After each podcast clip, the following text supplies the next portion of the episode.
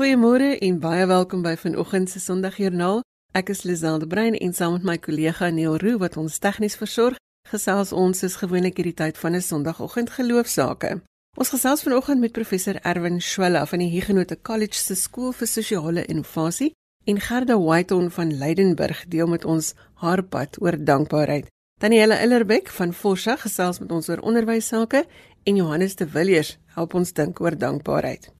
Ons is te baie om vir dankbaar te wees en daarom nooi ons jou uit om saam te gesels oor dankbaarheid by ons SMS lyn. Dit is 45889. Dit gaan jou R1.50 kos as jy vir ons 'n SMS stuur, maar ons hoor baie graag waarvoor jy vanoggend dankbaar is. Jy kan ook saamgesels op ons Facebookblad. Dit is Sondagjoernaal. Sondagjoernaal word daar met 'n koppelteken geskryf en dan kan jy daar vir ons 'n boodskap laat.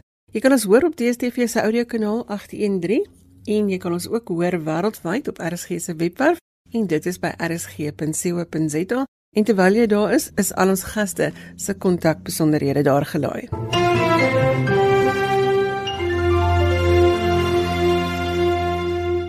Professor Erwin Schwella is die dekaan van die skool vir sosiale innovasie by die Huguenot College of Wellington En ons gesels vanoggend oor hulle planne om die wêreld 'n beter plek te maak. Goeiemôre professor. Goeiemôre Lisel en goeiemôre aan al die luisteraars. Kom ons begin net eers by die Huguenot College. Nie almal ken die geskiedenis nie. Huguenot College is 'n wonderlike instelling met een van die langste geskiedenisse van hoër opvoeding in Suid-Afrika en mense is nie altyd bewus daarvan nie. Dit is gestig eintlik in die vorige eeu deur die bekende Dr Andrew Murray wat eintlik een van die besondere sosiale innoveerders in ons land was. Hy het 'n volledige college geskep in Wellington waar vir baie jare lank mense opgelei is in sendingwetenskap, mense opgelei is in maatskaplike werk. In die onlangse verlede was daar 'n paar uitdagings toe as gevolg van wat 'n mens waarskynlik kan beskou as politieke inmenging. Hiergenote college swaar gekry het en toe moes oorleef deur 'n klomp nuwe opleidingsinrigtinge of instellings te skep en eintlik beter daaruit gekom het. So dit is 'n instelling wat bewys lewer van die veerkrag en die deursettingsvermoë van gelowige mense. Jy is as 'n bietjie meer as 'n jaar by die Genote College en ons ken jou as iemand wat gereeld kommentaar lewer op RSG se ander programme. Maar wie is Erwin Schwella as ons nou jou storieboek moet oopmaak? Ja, Erwin Schwella uh, het uh, bepaald aan die verkeerde kant van die spoorlyn groot geword in 'n uh, plek met die mooi naam van Tuurvlei hier in die omgewing van Parow en Bellville. Ons het altyd die grappie gemaak, eh, die die plek se naam het later vir statusdoeleindes verander na Parow Valley en die grappie wat ons gemaak het is om te sê ons het in Tuurvlei groot geword en uiteindelik verhuis maar sonder om ons huise te verander. Nou ek het uh, skool gegaan in uh, die Bellville Hoërskool en vir baie jare lank stel ek belang in politiek, in regeringskunde en doen ek uh, analises van die politieke omgewing in Suid-Afrika en geniet dit besonder baie. Ek het vir baie jare ook klas gegee by die Universiteit van Stellenbosch en so jare en 'n half gelede geëmeriteer daar. Nou as ek emeritus professor by Stellenbosch Universiteit en intussen die wonderlike voorreg gekry om by Huguenot College betrokke te raak en 'n nuwe skool, die skool vir sosiale innovasie, daar te vestig waar ons besondere geleenthede sien om 'n verandering aan die wêreld te maak en van die wêreld 'n beter plek te maak. Ons gaan nou daaroor gesels. Ek wil net eers gou vra, watter rol speel geloof in jou lewe? Ek uh, is een van die mense, my ma het 'n baie groot invloed. Ek het 'n besondere ma gehad, 'n uh, pa ook, maar my ma het 'n baie groot invloed op my geloofsbelewenis gehad. En ek moet sê sy het nogal op 'n stadium 'n interessante opmerking gemaak en gesê Erwin, jy bevraagteken baie dinge. Uh, die een ding wat jy nie behoort te bevraagteken nie, want dit gaan vir jou 'n ernstige vertwyfeling bring is jou geloof. So jy moet glo soos 'n kind en dit het vir my baie beteken. Ek het in die kerk groot geword. Ons uh, het 'n bepaalde verbintenis met die kerk. Ek is regtig onder die indruk van die genade van die Here deur sy gelofte in my lewe en dit is my 'n wonderlike voorreg om betrokke te wees by geloofsondernemings en by geloofsgemeenskappe. Kan ek sommer gou gevra wat is die rol wat dankbaarheid in jou lewe speel? Ons fokus hierdie jaar op dankbaarheid. My lewe is ook maar gekenmerk deur 'n aantal krisisse, 'n 'n groot dodelike siekte, 'n aantal persoonlike kwessies en uiteindelik uh, het die Here se genade my daardeur gedra. Dis interessant, ek maak altyd die punt want gebed is belangrik, maar wanneer mense vir my bid, moet hulle nie bid dat ek of gesond word of dat dit met my beter sal gaan emosioneel of intellektueel nie. Hulle moet bid dat die Here se wil sal geskied. En onder al hierdie omstandighede het die Here se wil eintlik beter uitgewerk as dit wat ons voorsou gebid het as ons probeer het om dit binne ons wil te plaas. So daarvoor is ek baie dankbaar. Wat is julle visie by die skool vir sosiale innovasie? Ons begin met 'n baie breë visie om te sê ons wil graag van die wêreld, maar binne die wêreld het ons Suid-Afrika en ons omgewing 'n beter plek maak. En die visie wat uiteindelik oordra in 'n stel missiestellings sê dat ons aanvaar daar's 'n hele aantal probleme in die wêreld. En as jy mens gaan kyk na probleme, dan kry jy wat genoem word magprobleme en dan moet 'n mens net optree en goed doen. Jy hoef nie te lank te wag nie. Jy het eintlik 'n klomp ervaring en kennis en jy doen dit. Dan kry jy gekompliseerde probleme. Gekompliseerde probleme vereis die bydrae van 'n kundige kennisbasis en dit word opgelos deur tegniese mense, deur wetenskaplikes, deur uiteindelik mense wat die kundigheid het. Maar dan is daar komplekse probleme in die wêreld. En die komplekse probleme in die wêreld los moeilik op en interessant genoeg komplekse probleme kom meer voor in diverse samelewings soos in Suid-Afrika. En daarom het ons 'n groter as waarskynlike voorkoms van komplekse probleme in Suid-Afrika wat 'n baie diverse land is met 'n groot klomp uitdagings. En ons doelwit is om te gaan kyk of ons rondom geloofsgemeenskappe praktiese professionele en ook kennisgebaseerde oplossings kan vind vir hierdie komplekse probleme en dit dan in te bou in werklike werk. Dit help ook nie net om daaroor te dink en te praat nie, ons moet dit uiteindelik doen. En daarom het ons by Huguenot College se skool vir sosiale innovasie ook nou die idee om 'n sentrum vir regeringskunde in Afrika te skep waar ons wil kyk na etiese en effektiewe leierskap vir regeringskunde in Suid-Afrika in al die swere van regering ook in Suid-Afrika plaaslik, provinsiaal en uiteindelik ook nasionaal. So ons wil 'n bydrae maak om 'n kennisgebaseerde basis te skep vir besluite om komplekse probleme op te los en die wêreld beter te maak en uiteindelik gebaseer op kundigheid. So Huguenot College is 'n akademiese instelling en ons werk aan hierdie uitgangspunte en is 'n wonderlike voorreg om daarbey betrokke te wees. Geloofsgemeenskappe kan nog meer. Hulle beteken al soveel vir mense, maar kan nog meer beteken vir mense. Ons kan en moet mense lei na die Here toe en na die hiernamaals toe, maar ons moet ook van hierdie wêreld 'n beter plek maak. 'n Eenvoudige vraag dalk vir 'n komplekse probleem, waar begin 'n mens?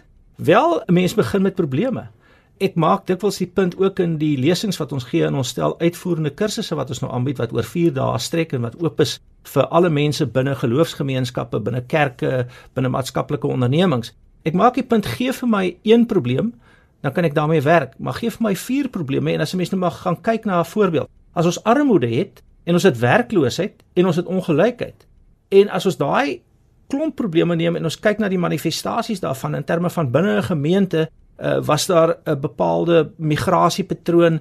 Is daar dalk werklose mense? Kan ons nou 'n sosiale onderneming skep? Ons het pas binne Belwel, die Belwel Ligstad omgewing wat 'n sosiale onderneming is, byvoorbeeld 'n IT-maatskappy gestig. En die IT-maatskappy, ons noem dit sommer die Belwel IT-maatskappy, jou Belwel IT Lighty, gebruik dan mense vanuit die gemeenskap waar daar wel werkloosheid is met groot kundigheid en wend dit aan in 'n bepaalde praktiese manier om by te dra tot die oplossing van mense se probleme. As ek vier probleme het, kan ek daai vier probleme wat verskillende soort van stringe is, kan ek vleg in 'n vlegsel en 'n wonderlike oplossing bedink. 'n Ander uitdrukking wat ek dikwels gebruik is om te sê probleme is soos paddas. Hulle kan prinses word, jy moet net bereid wees om hulle te soen. So ek gedei op probleme. Hoe meer probleme ons kan kry, hoe beter en daarmee kan ons dan oplossings soek wat uiteindelik innoverend van aard is. Dit is belangrik dat iemand net die eerste tree sal gee. Ja, en uh, ons dink dat dit is belangrik dat geloofsgemeenskappe en gelowige mense die eerste tree sal gee. Want ons hele ethos, ons ingesteldheid is een van deernis en omgee vir ander mense. So daarom is dit vir my van kardinale belang dat geloofsgemeenskappe 'n rol in hierdie proses moet speel en vir alle rol moet speel uh, in die Suid-Afrikaanse opset met sy meer as 'n waarskynlike voorkomste van komplekse probleme. Ons sit voor uitnemende geleenthede om 'n positiewe bydrae te maak en op dië manier ook die hele idee van 'n missionale bediening nie net na buitentoe te neem, maar mense terug te bring binne ons ruimtes waar die kerk terloops 'n groot grondeienaar is, waar die kerk uiteindelik hierdie grond as 'n 'n soort bate kan gebruik en nuwe inisiatiewe kan neem, innoverende inisiatiewe en ons gaan daai inisiatiewe neem, daarmee eksperimenteer en dit dan inbou in ons kennisproses om daai kennis te versprei deur ons kursusse, deur konferensies. Ons beplan byvoorbeeld 'n groot konferensie saam met Badisa van 1 tot 3 September verjaar ons het verlede jaar ook 'n uitstekende konferensie gehad waar ons baie kennis gedeel het met mekaar. So julle het nou al hierdie planne. Moet mense na julle toe kom en kom aanmeld en sê ons wil deel word hiervan of gaan julle na mense toe uit en vra hulle om deel te word? Wel, hierdie proses is natuurlik van beide kante af. Ehm um, wat ons nou hier doen is om 'n bewustheid te skep van ons werksaamhede en dan moet mense ons asseblief met ons in verbinding kom. Een van die aspekte van innovasie is juist dit lê verbindinge, dit maak koneksies en ons wil hierdie verbindinge lê. So mense is baie welkom om na ons te kom en ons sal sover as moontlik ons nuwe drome, ons nuwe visie en ons nuwe missie en doelwitte uitdra op verskillende maniere. Ons wil bitter graag ook vrywilligers hê wat met ons saamwerk. Ons wil eintlik ook prototipe skep wat ons kan versprei oor die hele land. So dit is definitief 'n ambisieuse visie, maar mense moet asseblief met ons in verbinding tree en van ons geleenthede gebruik maak en ons help om diens te lewer. Dit klink na 'n heeltemal 'n moontlike oplosbare probleem wat voor ons is. Wat is die kontakbesonderhede as hulle met jou hieroor wil gesels? Hulle kan ons kontak by die telefoonnommer in Kaapstad 021 910 0962 dit is by ons kantore wat gesetel is binne die Belwel Vallei NG Kerk. So ons is ook in Postmastraat 61 Belwel bo Oakdale Belwel Belwel Vallei NG Kerk En as hulle my wil kontak, is hulle baie welkom. Ek gee my e-posadres wat eintlik redelik maklik is. Dit is my voornaam en dit is Erwin E R W I N Erwin en dan by Shwella my van S C H W E L L A. Ek sê altyd vir mense dis 'n mooi kombinasie van twee huishoudelike produkte, Schweppes en Wella. Shwella.co.za. Die kontakdetail net weer, dit is die telefoonnommer 021 9100962 of jy kan vir professor Erwin Shola e-pos stuur. Die e-posadres is erwin e r w i n by shola s c h w e l l a.co.za. Al daardie besonderhede is ook op ons Facebookblad by Sondagjoernaal en by RSG se webblad by rsg.co.za. Professor Erwin Schwella is die dekaan van die Skool vir Sosiale Innovasie by die Huguenot College en ons gaan in die toekoms nog 'n bietjie meer oor hierdie projekte gesels. Baie dankie vir die kuier vanoggend. Baie dankie. Dit was 'n plesier om met mense op 'n Sondagoggend te kan praat en al hierdie wonderlike geleenthede vir diens te deel. Dankie. As jy sopas ingeskakel het, sê ons goeiemôre. Die program is Sondagjoernaal waar ons vroegoggend hoor wat die rol is wat geloof in mense se lewens speel.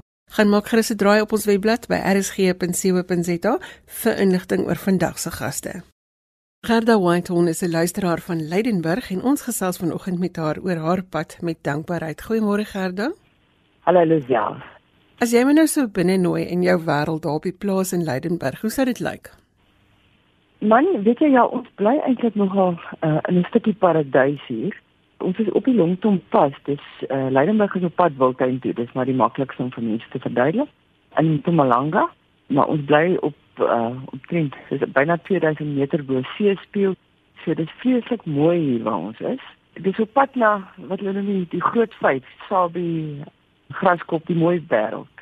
Jy het vir my geskryf dat dankbaarheid vir jou 'n nuwe manier van kyk geword het. Vertel ons het altyd oor dankbaarheid gevoel soos 'n mens maar oor goeie maniere voel. Jy weet jy leer 'n kind om dankie te sê want dit is een van die basiese lesse van die lewe. Maar toe het ek in Volkskamp se boek 1000 Gifts raak gelees. Dit het my regtig uitgebou want ek het eers gedink dit gaan net oor 'n speletjie jy kyk of jy by 1000 dankie dinge kan uitkom en jy skryf elke dag so 3 of 5 dinge uh, skryf jy neer waaroor jy nou dankbaar is En ek weet ook van die storie dat dit goed vir jou en dit verander in jou manier van dink en jou brein en dit is 'n gesonde gewoonte. Maar wat Volkskamp doen is sy het die regte ontdekking gemaak na 'n lewe van baie baie groot swaar kry. Sy het die Griekse woord eucharistie ontdek. Dit is woord vir danksegging. En sy trek ook die ander twee Griekse woorde daarbey in, charis wat genade beteken en chara vreugde en sy glo dit is deel van dieselfde begrip.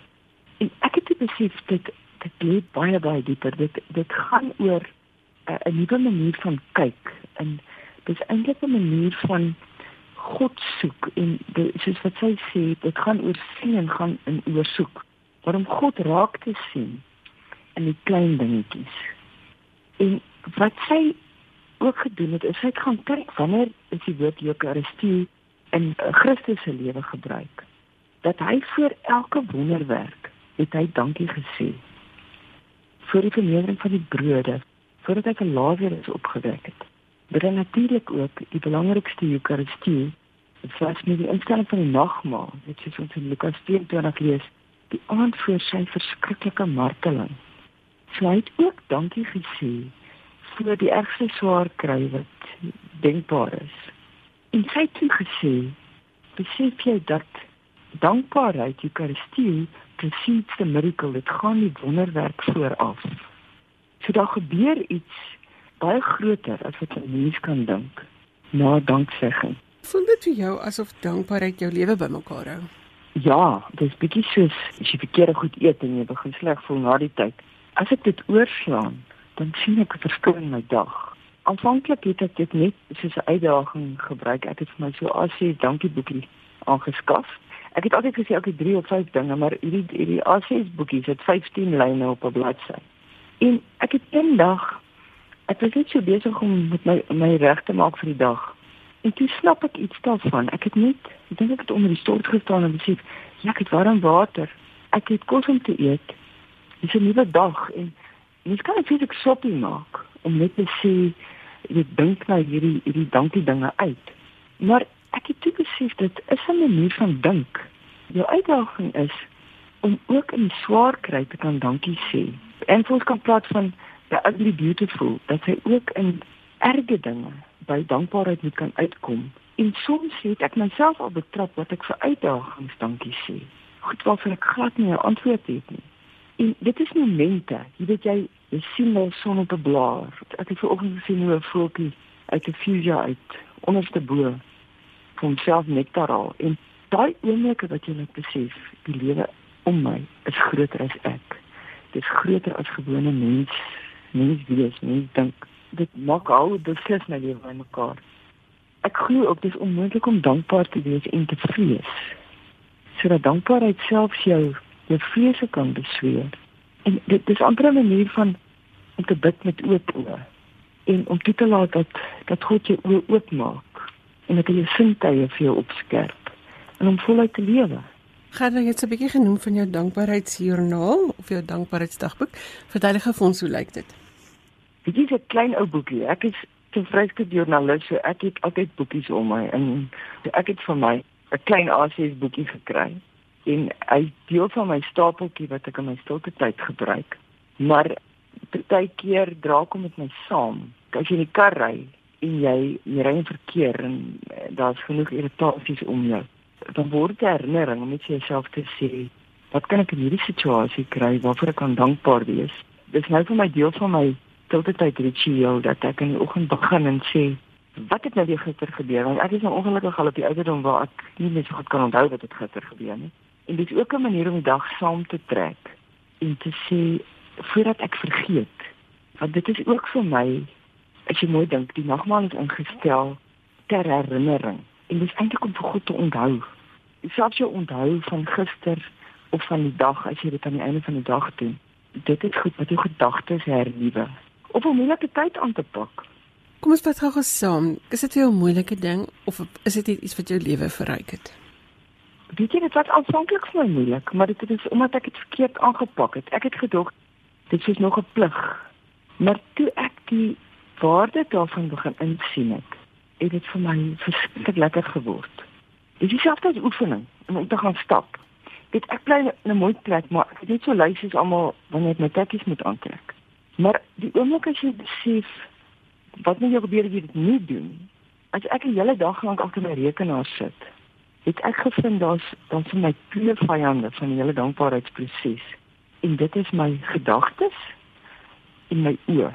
Jou oë raak so gefokus op op 'n rekenaarskerm dat jy amper later nie meer mooi kan sien of dink nie. Maar die ergste is jou gedagtes begin te draai om die feit dat jy klomp goed is nie klaar gekry het vir die dag nie. En as ek myself net kan dwing om my tikkies aan te trek en buite te kom dan skiep ek vir myself dinktyd en kyktyd. En ek het ook besef dit is 'n sleutel tot tot dankbaarheid. Goed, ons het maar altyd gesê jy gaan jy gaan stap jou kop oop. Maar dit gee ook vir jou geleentheid om te sien hoe die son op die blare is en te sien hoe die honde dit geniet. En so gesels Gerda White, ons sy is 'n vrouskap joernalis en 'n luisteraar van Leidenburg en ons het vanoggend gesels oor haar pad met dankbaarheid. Gerda, baie dankie dat jy vanoggend met ons gedeel het. Dit was 'n groot plesier.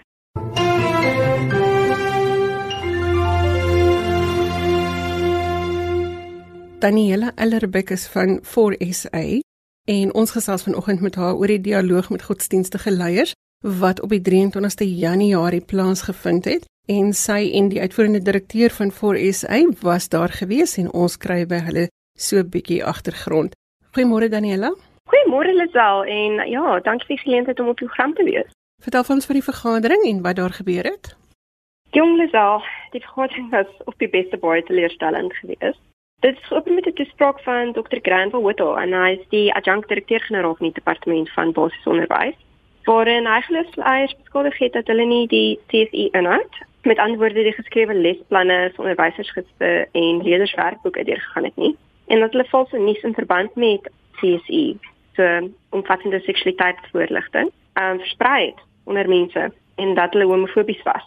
So afgesien daarvan dat hierdie stellings onwaar en nie konstruktief was nie, was die vergadering klaar blyklik blote inligtingsessie gewees om geloofsleiers te kry om die departement se plan om CSE uit te rol te aanvaar. En CSE het nou te doen met die lewensoriëntering kurrikulum. Ja, CSE is 'n komponent van lewensoriëntering en lewensvaardigheid wat in skole aangebied word en dit is daardie leerders werkboeke en onderwysersgidse wat die departement laat skryf het onder andere met die hulp van UNESCO en United Nations Population Fund en USAID. Vir luisteraars wat belangstel, al hierdie materiaal is op die departement se webtuiste beskikbaar. So as hulle net die departement van basiese onderwys vir Suid-Afrika wil Google, ek dink as jy op hulle tuisblad is, net gaan af na onder toe sal oranje blokkie wat sê comprehensive sexuality education. En ek wil regtig vir ouers aanmoedig of mense wat self tot moontlik eendag ouers wil wees om deur daardie materiaal te gaan en te sien of hulle gelukkig sou wees as hulle kinders dit leer. Ons gaan nou 'n bietjie gesels oor ouers se insiete wanneer dit by hierdie dinge kom.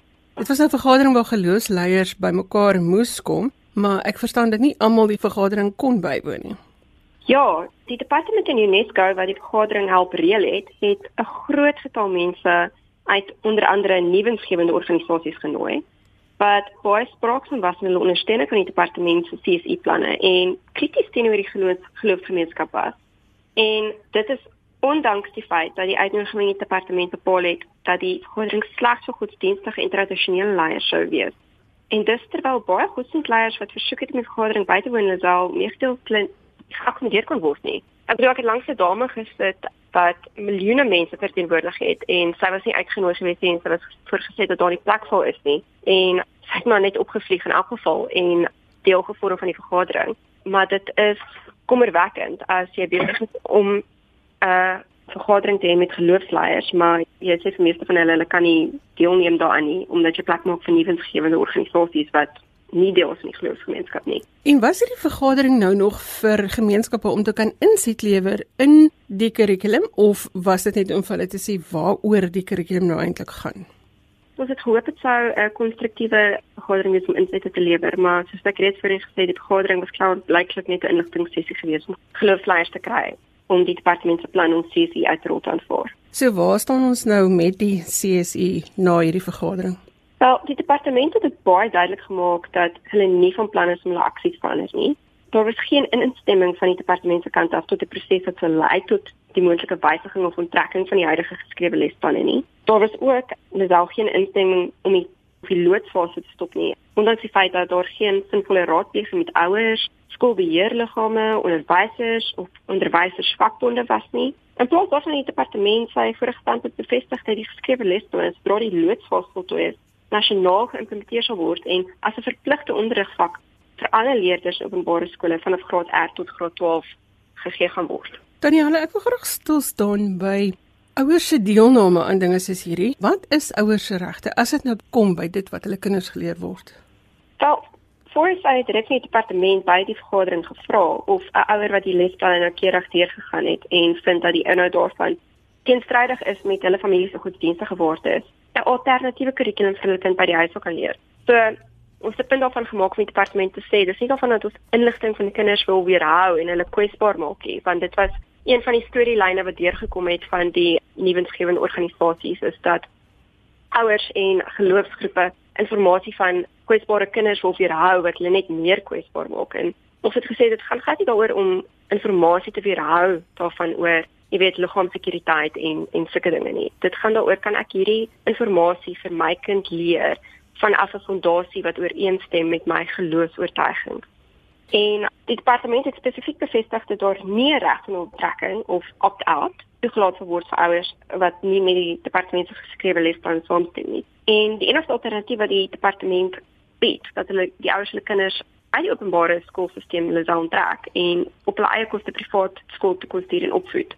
Net so is die beroep van die islamitiese geleerdes om toegelaat word om inhoud aan te bied wat bewys is dat dit dieselfde uitkomste lewer as in die kapskurrikulum hulle was ook van die hand gewys en ek wil sê dis duidelik 'n skending van die departement se eie beleid wat bevestig dat ouers die primêre opvoeders van hulle kinders is met die reg om geraadpleeg te word en om hulle kinders op te lei volgens hulle waardes en en wat hulle as ouers glo die beste belang van hulle kinders is.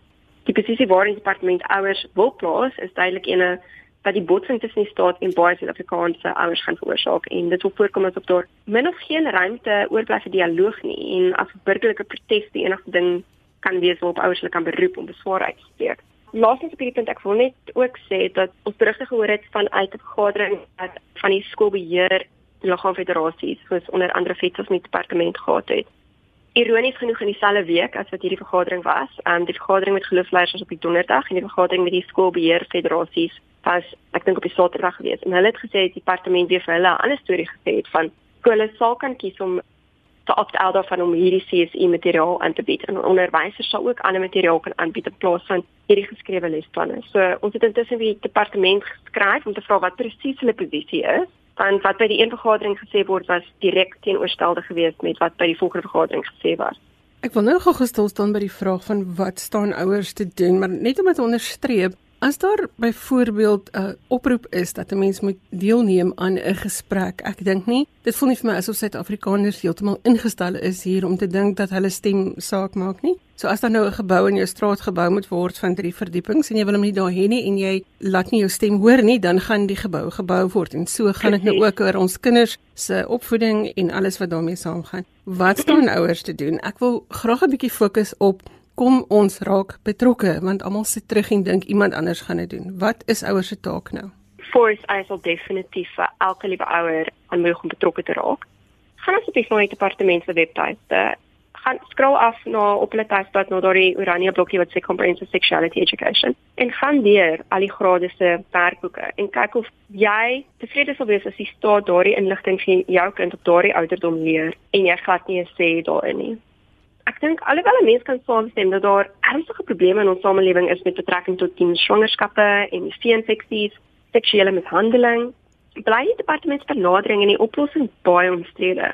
Soos wat voor is Eselemara al gesê, anders as wiskunde en ander vakke, is dit onmoontlik om oor seks en seksualiteit onderrig te praat sonder om die inhoud met waardes te vul. So vir ouers, ek dink die eerste te begin plek sou wees om deur die materiaal op die departement se webwerf te gaan en te kyk wat hulle daarvan dink. En dan ook om vir hulle skoolbeheerliggame te vra om FETSAS te kontak en daar's ook briewe wat hulle vir die parlement kan skryf wat die departement verantwoordelikheid moet doen beskikbaar op Voice Eyes se webblad www.forsa.org.za f o r s a for sa.org.za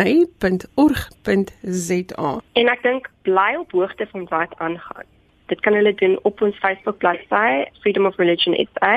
Soos wat ons onderstreep, dit is belangrik vir ouers en veral gelowige ouers om self te gaan besluit of jy met hierdie inligting gelukkig is. Moenie net ander mense se woord daarvoor aanvaar nie, maar raak betrokke en laat jou stem hoor. Die tyd vir terugsit is nie nou nie. Daniela is van 4SA Freedom of Religion. Daniela, baie dankie vir die saamgesels. Dankie Lisel vir die geleentheid. Johannes de Villiers is 'n kenner as dit kom by stil word en fokus. Hy het sy eie klooster op Stanford en hy gesels gereeld met mense oor vreugde en blydskap. Vanoggend is ons hier in die oomblik en ons gesels hieroor. Goeiemôre Johannes. Goeiemôre. Ek het jou spesifiek genooi vanoggend om met ons te praat oor die eenvoud van blydskap want ek kom agter terwyl ons besig is om hierdie jaar in te oefen om dankie te sê. Dis so 'n eenvoudige ding, maar dis nie vir mense maklik nie. Hmm, dis nie 'n gewoonte nie, nê. Nee. En ek dink mense wag dat iets in hulle lewe moet gebeur wat hulle dankbaar gaan maak en dan gaan hulle gelukkig wees. En hulle besef dit werk eintlik andersom dat die dankbaarheid is wat jou oë oopmaak sodat jy meer dinge in jou lewe sien wat jou ryk laat voel nie. Dankbaar is nie eintlik wat volg nadat jy gelukkig is nie, maar dankbaar is wat eers moet gebeur sodat jy gelukkig word en begin oplet hoe geseënd jy is en hoe baie dinge reg verloop. Kom ons praat 'n bietjie oor die resep van dankbaarheid, die praktiese goed. Ek moedig mense aan om 'n dankbaarheidsjoernaal te begin. Kan ons daar begin? Ja, beslis. Weet jy, ek dink dankbaarheid is 'n bietjie van 'n spier wat jy moet inoefen, hè. As jy groot boarmspiere wil hê, dan moet jy 'n gewig gaan optel. As jy sterk beenspiere wil hê, dan moet jy 'n bietjie draf. En as jy 'n dankbaarheidsspier wil hê, dan moet jy een of ander iets doen om dit te laat gebeur. Jy moenie net sit en wag nie. So, in 'n sekere sin jy moet 'n keuse maak watter praktiese stappe gaan ek in my lewe in oefen om hierdie dankbaarheid te versterk en baie mense, slim mense het al gesê 'n dankbaarheidsjoernaal of 'n dankbaarheidsdagboek is 'n fantastiese manier om te begin. Nou jy kry 'n ou boekietjie en jy hou hom langs jou bed in die aand, nee, dit hoef nie iets fancy te wees nie, maar as dit iets wat mooi is, is en vir jou lekker is om oop te maak en toe te maak, sal dit help. En jy sit hom daar en elke aand voor jy gaan slaap, skryf jy 5 dinge neer wat jy voor dankbaar is. Nou jy self weet ek het al gesê jy kan begin met 1 as dit vir jou makliker of met 3, ek sê gewoonlik 5, maar dit hoef nie 500 te wees nie. En jy dink wat het vandag gebeur wat ek voor dankbaar is? Nou, baie mense van ons, ons is ontevrede met ons lewe en die eerste ding wat opkom is, jy dink wat het nou als verkeerd te gaan? Ek het niks om voor dankbaar te wees nie, maar jy klap nie daai boekie toe nie. Jy sit en dink tot jy met iets vorendag gekom het. Later is dit nou maar iets half gebak. Jy sê, "Oké, okay, ek is dan nou maar dankbaar dat die kos het nie aangebrand nie. Ek kon dit nogtans geëet het. Ek is dankbaar die kar het nie gaan staan op pad werk toe nie." Maar ten minste kry jy vyf goeders en volgende aand doen jy dit weer, miskien gaan dit nog steeds moeilik, maar later begin jy deur die loop van die dag onthou, maar weet jy, ek moet vanaand vyf goed hê om my boekie te skryf en jy begin skielik op te let. Jy begin om jou rond te kyk, wat kan ek sien wat ek vanaand gaan noem waarvoor ek dankbaar gaan wees. En skielik begin jy goeders op te let. Jy staan in die stort in die oggend en daar's warm water. Net hoe lekker dit is om onder warm water te staan. Jou hond kom en lek jou met daai skurwe tong gevoeltjie wat hulle so jy weet teen jou been lek. Jy dink, "Gits, hier's iets wat ek voorheen nie so oplet maar ek kan dit in my dankbaarheidsboekie sit. Later is 5 nie meer genoeg nie." Nou wil jy sommer 10 skryf. Dis net 'n tegniek om jou te leer om bietjie meer aandag te gee want baie keer is die rede van ons gebrek aan dankbaarheid nie dat daar nie genoeg goed gebeur nie, maar gewoon dat ons nie die goed oplet wat wel gebeur nie. Dat ons dit nie raak sien nie. Is daar ander woorde vir dankie? Weet jy, dis nogals interessant, né? Daar's al navorsers gewees wat probeer toets het watter effek het dankbaarheid op mense se gemoed. Hulle kan meet wat jou gelukvlakke. Hulle laat jouself rapporteer of hulle meet jou taal of so en toe het hulle gekyk watter effek het dit op mense se gemoed om te sê dankie en toe het hulle getoets een of twee ander bewoordings ook en hulle het agterkom daar sekere goed wat jy kan sê as ek vir iemand dankie sê vir iets dan maak dit my 'n bietjie gelukkiger maar daar's ander goed wat jy kan sê wat jou meer gelukkiger maak. Dit is moeilik om te glo maar as jy byvoorbeeld iemand sê ek is dankbaar vir jou dat jy dit gedoen het dan het dit meer van 'n impak. Of sê nou ek sê net vir jou Lisel, jy werk nou in 'n winkel en jy gee vir my 'n koffie, sê ek dankie, maar as ek vir jou sê dankie Lisel dat jy vir my koffie gegee het, het dit 'n groter impak. En ek dink die rede is omdat jy as jy ander woorde kies, dan sit dit net so 'n gewoonte nie. Ons ma en pa het ons geklap as ons sê dankie sê toe ons klein was nie. So jy het nooit regtig gedink is ek regtig dankbaar nie. Jy sê dit maar net uit 'n gewoonte. Net terwyl as jy die woorde 'n bietjie omswaai, en jy kyk in iemand die oë en jy sê ek is dankbaar vir jou of dit maak my dankbaar dat jy dit gedoen het. Is dit skielik moet jy 'n bietjie nadink oor wat jy doen en as jy dink oor die dankbaarheid dan voel jy dit skielik en dit is nie net 'n gewoonte nie maar iets wat jy moet bedoel. So ek sê altyd vir mense moenie net sê dankie nie maar wees bietjie meer spesifiek. Jy weet sê nou maar byvoorbeeld jou lewensmaat of jou kinders of iemand die skottelgoed gewas moenie net sê dankie nie sê dankie dat jy die moeite gedoen het om die skottelgoed te was. Ewe skielik herinner jy vir jouself en vir hulle dat daar moeite betrokke was. Dat dit jy is wat vir hulle dankbaar is. Julle is in 'n verhouding met mekaar. Jy weet dit klink so geweldig eenvoudig en tog kan daai klein woordjie die situasie heeltemal omkeer. Dink jy dis belangrik dat ons die klein dingetjies vier?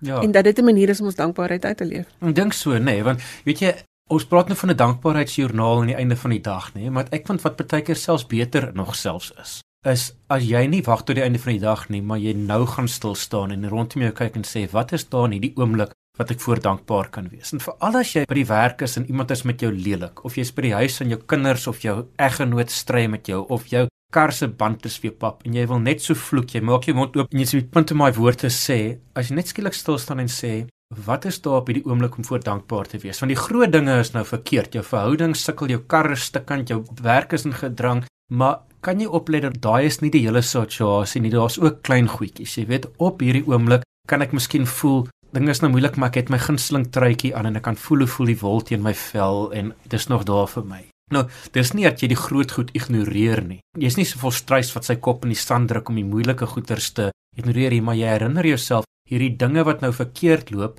is nie die hele situasie nie. Hierdie klein goedjies is wat nog iets meer en jy weet, hier sit ek en jy nou in 'n klankateljee. Gelukkig niks gaan verkeerd nie, maar as ons nou op hierdie stadium sê, wat is die klein goedjies wat ons voor dankbaar kan wees? Bloot die feit dat ons kan in mekaar se geselskap sit en net mekaar se lyfstaal waardeer. Ons is vriendelik teenoor mekaar, né? Dit hoe kan so maklik anders gewees het. Jy sit nou daar op sonoggend by die huis, die radio werk. Dit kon ook anders gewees het. Die batterye kom pap gewees het. Dalk het jy 'n oomblik om asem te skep. Net 'n oomblik om asem te skep. Gister was besig, vandag gaan besig wees met hierdie een asemhaling waarbinne jy die res van dinge kan laat staan. Hierdie klein goedjies is al daai klein rosientjies wat die dag kosbaar maak. Die klein dingetjie waarvoor ek dankbaar gaan wees is dat jy volgende Sondagoggend 7:00 jou wekker gaan stel om na ons te luister. Ja. Jy het 'n interessante ding geskryf oor tafelgebed. Ja, dis nog iets van daai wat ek net van die woord dankie gesê het, net dit het van ons gewoonte geraak. Mense het hierdie goeters wat jy doen, dis soos jy, jy moet jou hande was, skoene uittrek voor jy gaan slaap, jy doen jy moet jou tafelbed gesê voordat jy eet en jy het al opgelet baie mense en almal is skuldig. So dis nou nie oordeel nie, almal is skuldig. Begin al tafelgebed opsê asof dit 'n gewoonte is, nê. Nee, seën eet en nimmer vergeet en of jy weet, dankie nou vir die vriende wat ons voorberei het en die ding en jy kom agter klink nie na dankbaarheid nie. Dit klink meer na net 'n gewoontetjie. En ek dink as jy kan tafelgebed die gewoonte kan verander as eerder net 'n ritueel wat jy doen, maar iets wat uit jou gemoed uitkom wat jou herinner hoekom jy daar is. So sê dit net 'n bietjie anders se slag. Sê net ek is dankbaar dat ons iets ongewoon kan eet vandag of ek is dankbaar dat ons hierdie rooi tomaties kan eet. Noem die ding op sy naam om jou te herinner daar's iets Trouwens, moenie net sê dankie vir die hande wat dit voorberei het nie, maar sê dankie dat hierdie brood wat ek nou eet gebak is deur daai gawe vrou by Pick n Pay en dankie vir die boer wat die meel daar in die mieliedriehoek in die Vrystaat verbou het en dankie vir die ou wat die lorry bestuur het om my aan te bring. Want skielik raak dit 'n bewustheidsoefening eerder as 'n ritueel. Ek weet nou nie wie luister almal vandag nie, maar party mense sê 'n tafelgebed het 'n diepe religieuse oortuiging, maar party daar is daai oortuiging party mense nie daar nie. Sê dit in elk geval, jy weet, van die dankbaarheid het 'n krag. Party mense sal net gewoon net luister die goed wat hulle voor dankbaar is en kyk wat dit in hulle gemoed verander. Jy hoef nie te wag totdat jy die dag dankbaar voel voordat jy dankie sê nie. Baie keer is die daad van dankie sê die ding wat jou herinner aan hoeveel jy het om voor dankbaar te wees, hoe ryk jy is. As ons almekaar dankie sê, dink jy ons gaan ophou kla?